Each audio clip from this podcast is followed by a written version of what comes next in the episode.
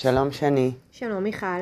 היום נדבר על אוטיזם דרך הקראת קטע מהספר "למה אני קופץ" של נאוקי גשידה.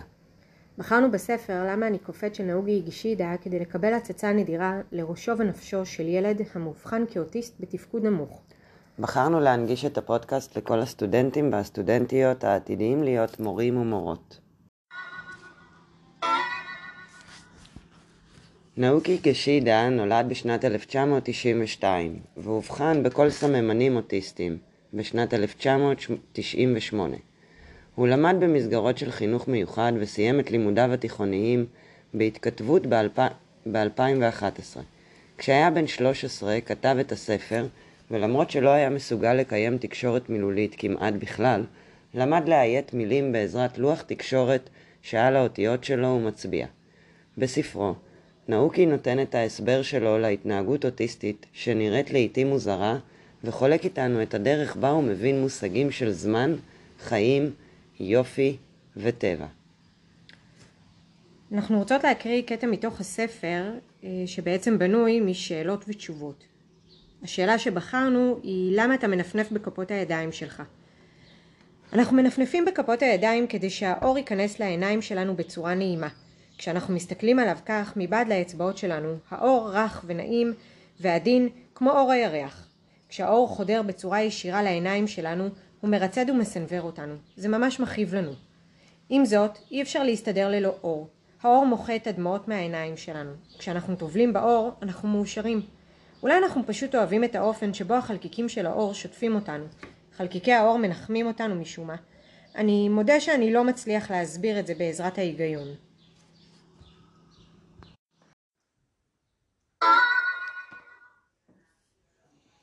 אז מה זה אוטיזם? איך ניתן לאבחן אוטיזם? מתוך ויקיפדיה אוטיזם הינה הפרעה התפתחותית, נוירולוגית, הנגרמת משילוב של גורמים סביבתיים, גורם תורשתי וגורם גנטי.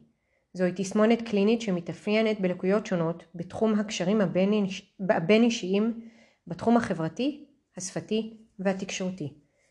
מאפיינים נוספים המעידים על אוטיזם הם התנהגות סטריאוטיפית ורפיטטיבית חזרתית. וכן הפרעה בכישורים חברתיים.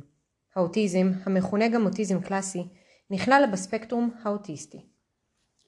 נהוג לחלק תסמינים של אוטיזם לשלוש קבוצות נפרדות.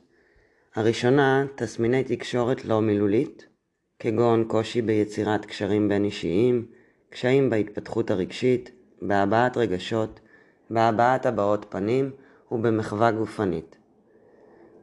השנייה היא תסמיני הפרעה בדיבור כבר בגיל הרך, למשל שגיאות דקדוק גסות, אוצר מילים קטן, הימנעות משימוש בדיבור, כגון קושי בהחלפת חוויות או בשאלת שאלות, עבור חלק מהמטרות בהן רוב האנשים משתמשים בדיבור במקרים קיצוניים, ובמקרים קיצוניים כאשר הם אינם משתמשים uh, ביכולת הדיבור בכלל.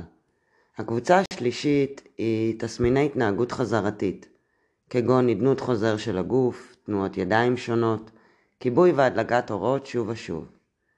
כיום מקובל לחשוב שחלק מן התסמינים הקשורים בהתנהג... בהתנהגויות חזרתיות נובעות ממגבלה בתכנון רצף תנועות, תכנון מוטורי, ושמגבלה זו גורמת גם למגבלה בקואורדינציות הידיים שקיימת אצל רבים מהנמצאים על הספקטרום האוטיסטי. אין בדיקה גנטית לאבחון אוטיזם. ההבחנה של רוב תסמונות הקשת האוטיסטית והאוטיזם הקלאסי בפרט היא התנהגותית.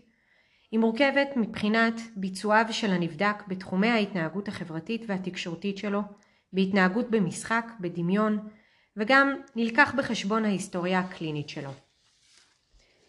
נשקלים, התנהגות, אה, נשקלים התנהגויות הילד המאובחן, תיאור התנהגות ומאפיינים על ידי המשפחה, תצפיות על הילד, שימוש במבחנים פסיכולוגיים, ובניית כרונולוגיה של מהלך ההפרעה מתחילתה. לא בהכרח מספיק עיכוב התפתחותי, התפתחותי אחד בתקשורת, מילולית או לא מילולית, כדי לקבל אבחון על רצף האוטיזם, שכן ישנן תסמונות שאינן על הספקטרום האוטיסטי, שאף הן עשויות להתאפיין, בין היתר, בעיכוב התפתחותי תקשורתי, כמו למשל אנשים עם חרדה חברתית מתמשכת, אנשים עם דמיון עצמי נמוך, אנשים שעברו לאורך ילדותם התעללות ממשפחתם, או אנשים הסובלים מכל מחלה אפשרית שיכולה להשפיע על יכולת התקשורת, בין אם נפשית או דברים אחרים. בחרנו להביא את קולם של האוטיסטים מתוך תוכנית הטלוויזיה סליחה על השאלה, המשודרת בערוץ כאן 11. הקטע שבחרנו הוא תשובתם לשאלה למה אתם לא מסתכלים בעיניים. למה את לא מסתכלת בעיניים? כי זה נוראי. מה? למה זה כזה בעיה שאני לא לפעמים? לפעמים אני כן, לפעמים אני לא. אימא שלי גם אמרה לי שהרבה פעמים אני הסתכלתי על המנורות פשוט ככה. יותר מעניין אותי להסתכל על הסביבה. תמשיך, תמשיך. א', נ', י'. אני, הרגשתי כאילו בוחנים אותי, קשה לי, כאילו העולם רואה אותי. ואם הוא מסתכל לי בעיניים, אז הוא ימצא נקודת תורפה או משהו כזה. זה אינסטינקט שאני מרגישה שאני לא יכולה להסתכל למישהו בעיניים יותר מדי זמן.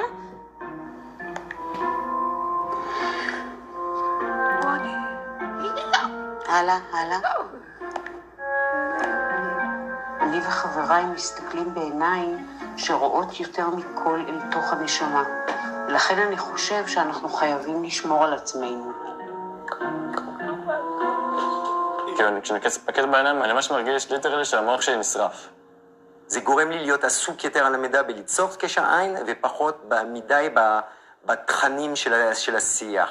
אתה תתרכז בשמע, ואתה לא יכול בו זמנית גם את העיניים, אז בגלל זה מורידים את העיניים, כי זה כאילו לאמץ פחות את כל הגוף. אוקיי. אמרו לי שאם אני לא מסתכל בעיניים זה סימן שאני אה, צבוע, שאני שקרן, שיש לי משהו להסתיר.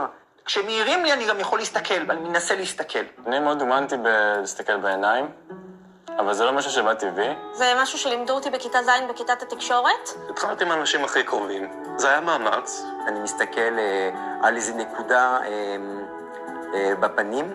אני פשוט כאילו לא מסתכלת על העיניים, מסתכלת על הפה. פעם הייתי מסתכל ב- באזור של השיער, ואז אנשים היו שואלים תמיד אם יש להם משהו מוזר בשיער שלהם. אז הבנתי שהנקודה היא לא כל כך אה, טובה.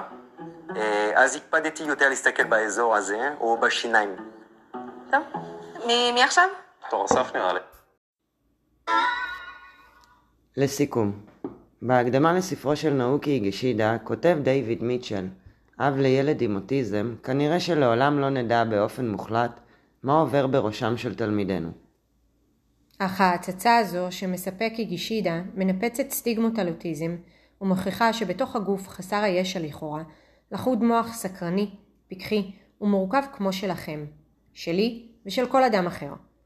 כשאנחנו שקועים בטיפולים 24 שעות ביממה, קל לפעמים לשכוח שאדם זה הוא בעל תושייה.